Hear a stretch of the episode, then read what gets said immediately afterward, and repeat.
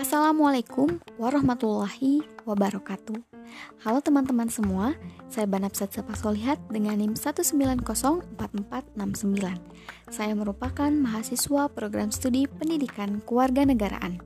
Pada kesempatan kali ini, saya akan mengajak teman-teman semua untuk lebih memahami mengenai resume yang sudah saya buat sebelumnya.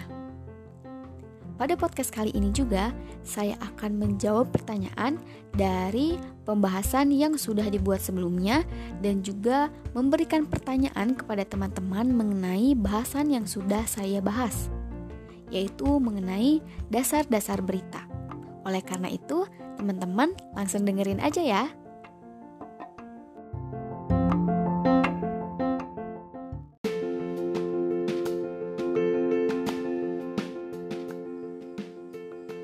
Baik teman-teman, pada bagian yang pertama saya akan menjelaskan terlebih dahulu mengenai resume yang sudah saya buat sebelumnya yang mana resume ini mengenai the basic news story atau dapat diartikan sebagai dasar-dasar berita yang mana ini diambil dari buku Writing and Reporting News, A Coaching Method 6 edition yang ditulis oleh Carol Rich.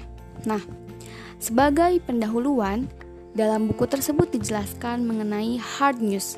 Harus teman-teman ketahui bahwa hard news ini merupakan berita yang dalam penulisannya mengikuti struktur piramida terbalik dengan yang terpenting pada pembukaan berita atau dalam hal ini fakta-fakta kunci dijelaskan pada paragraf pertama. Selanjutnya, saya juga akan menjelaskan kepada teman-teman bagaimana sih kita dapat menemukan tema ataupun judul atau fokus yang akan kita tulis dalam sebuah berita. Nah, jadi ada beberapa pertanyaan yang akan membantu kita untuk menentukan fokus. Yang pertama, ini bagaimana pembaca atau pemirsa dipengaruhi. Untuk pertanyaan ini akan membantu teman-teman dalam meyakinkan seseorang untuk membaca atau melihat berita teman-teman. Nah, untuk pertanyaan yang kedua, ini cerita tersebut tentang apa sih? Nah, pertanyaan ini akan membantu teman-teman jika teman-teman ingin membuat suatu berita ini langsung pada kalimat pertama, ini langsung ke inti cerita. Nah, untuk pertanyaan yang ketiga ini bagaimana sih kita akan menceritakan pengalaman ini kepada teman? Nah, hal ini akan membantu kita untuk membuat judul ataupun organisasi berita. Nah, selanjutnya teman-teman ada juga paragraf singkat atau nutsal paragraf. Perlu teman-teman ketahui bahwa nutsal paragraf atau paragraf paragraf singkat ini merupakan kalimat atau paragraf yang mengidentifikasi fokus cerita atau ringkasan cerita. Nah, selanjutnya juga saya juga akan menjelaskan mengenai elemen-elemen dasar dalam sebuah berita. Perlu teman-teman ketahui bahwa dalam sebuah berita itu harus ada judul. Judul ini merupakan baris di atas cerita yang memberitahu pembaca tentang apa sih cerita itu. Nah, biasanya judul ini dibuat oleh copy editor ataupun editor. Nah, judul ini ternyata biasanya dapat mengidentifikasi fokus terutama dalam cerita online sehingga pembaca dapat memutuskan apakah mereka akan lanjut mengakses atau membuka berita tersebut ataupun tidak. Selanjutnya, dalam sebuah berita juga pasti ada lead. Jadi lead ini biasanya ditulis dalam satu kalimat pertama dari cerita tersebut dan memberikan informasi yang paling penting pada peristiwa tersebut. Teman-teman harus ketahui bahwa di sini juga ternyata ada dua lead dalam suatu berita itu. Yang pertama ada summary leads. Jadi summary leads ini digunakan ketika kita akan merangkum poin utama tentang apa yang terjadi. Jadi ini akan menjawab pertanyaan tentang siapa, apa, kapan, di mana, mengapa, dan bagaimana yang merupakan unsur-unsur penting dalam sebuah berita. Selanjutnya juga ternyata ada future lead. Dimulai dengan cerita atau deskripsi tentang seseorang, tempat, ataupun insiden. Nah, ternyata banyak future ini dimulai dengan deskripsi tentang seseorang yang merupakan sumber utama dalam cerita. Karena lead future ini tidak langsung menjelaskan fokus cerita seperti summary lead. Nah, dalam paragraf singkat atau nutsel paragraf yang digunakan dalam berita ternyata ini merupakan kalimat atau paragraf yang menyatakan fokus utama titik cerita. Nah, jadi harus menceritakan secara singkat tentang apa ceritanya dan mengapa itu layak diberitakan.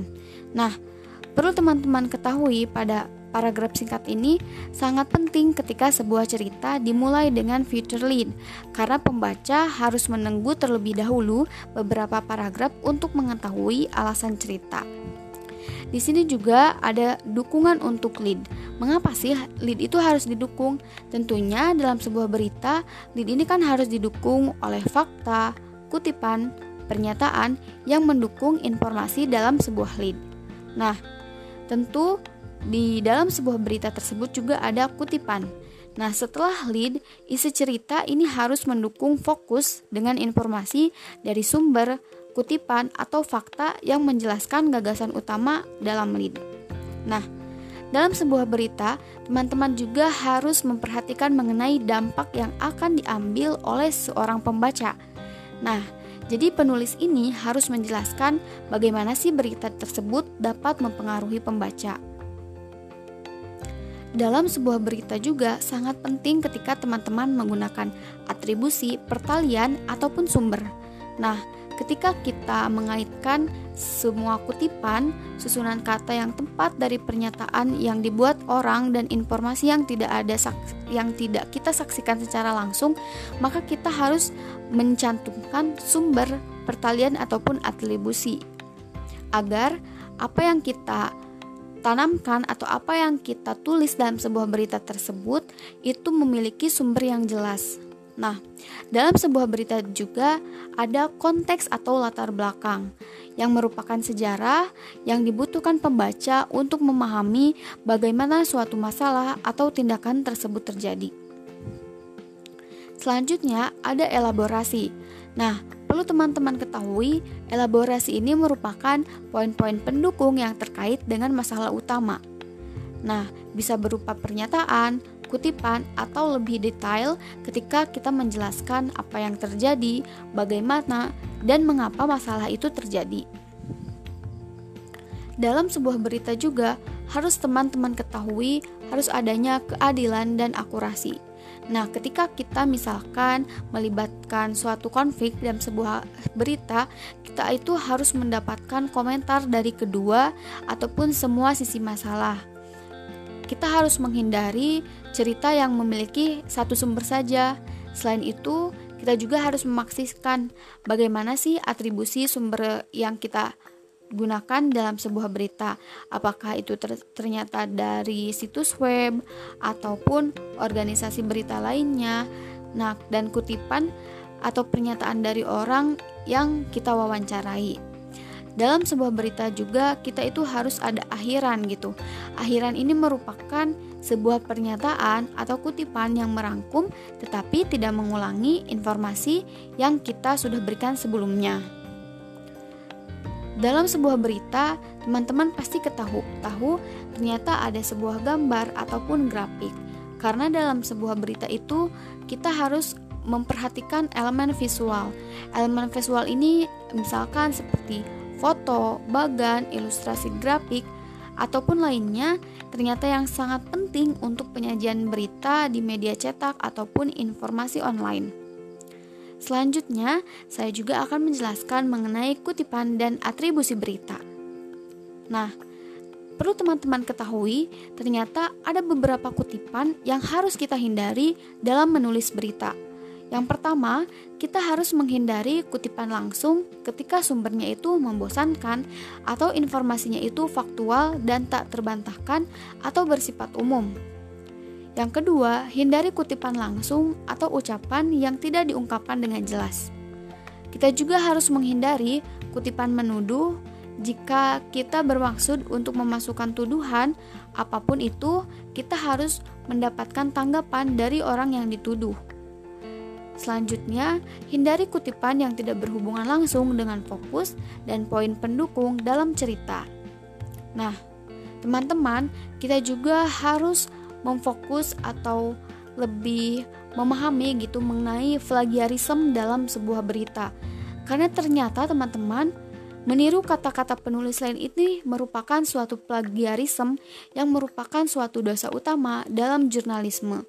Oleh karena itu, kita tidak boleh melakukan plagiarisme dalam melakukan atau menulis berita. Nah, ternyata di sini ada beberapa pedoman untuk materi yang kita buat yang ternyata tidak perlu membutuhkan atribusi ataupun sumber.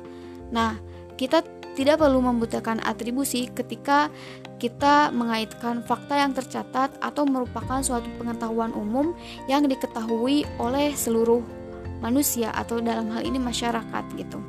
Nah, kita juga tidak perlu mengaitkan informasi yang kita amati secara langsung. Misalkan ketika kita memberitakan mengenai sebuah pemilu ketika kita melihat pemilu tersebut secara langsung, maka kita tidak perlu mencantumkan sumber dari apa yang kita amati secara langsung begitu. Selanjutnya, kita juga tidak perlu mengaitkan informasi latar belakang yang diterapkan dalam cerita sebelumnya tentang subjek yang sama. Nah, ini merupakan materi yang ada dalam resum yang saya buat sebelumnya mengenai dasar-dasar berita atau the basic news story. Selanjutnya, saya akan menjawab atau memberikan pertanyaan kepada teman-teman semua.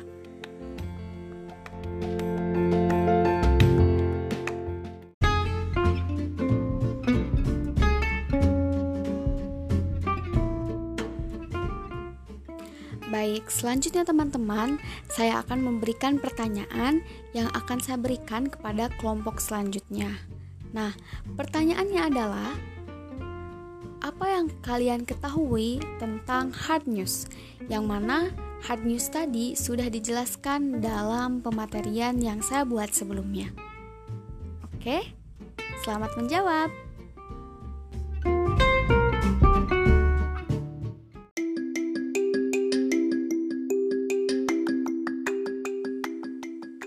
Baik teman-teman, pada bagian yang ketiga, saya akan menjawab pertanyaan yang sudah dibuat oleh kelompok sebelumnya, yaitu bagaimana tips yang baik dalam membuat blog.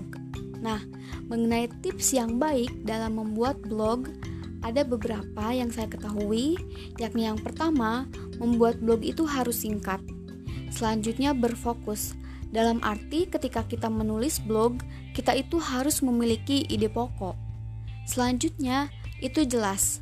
Dalam arti ketika kita menulis blog, kita harus menggunakan bahasa yang jelas. Kita juga harus berhati-hati. Karena dalam menulis blog kita itu harus memeriksa ejaan ataupun tata bahasa yang digunakan. Selanjutnya, blog yang ditulis tersebut harus menarik, bersifat akurat dan adil, komunikatif, memiliki target audiens, dan juga dalam blog kita bisa menambahkan situs link yang relevan atau bahkan dapat menambahkan pertanyaan atau pemikiran yang relevan dengan blog.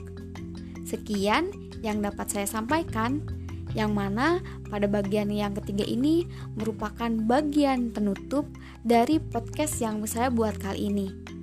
Mudah-mudahan podcast ini akan memberikan pemahaman kepada teman-teman semua. Terima kasih. Wassalamualaikum warahmatullahi wabarakatuh. Sampai jumpa di podcast selanjutnya.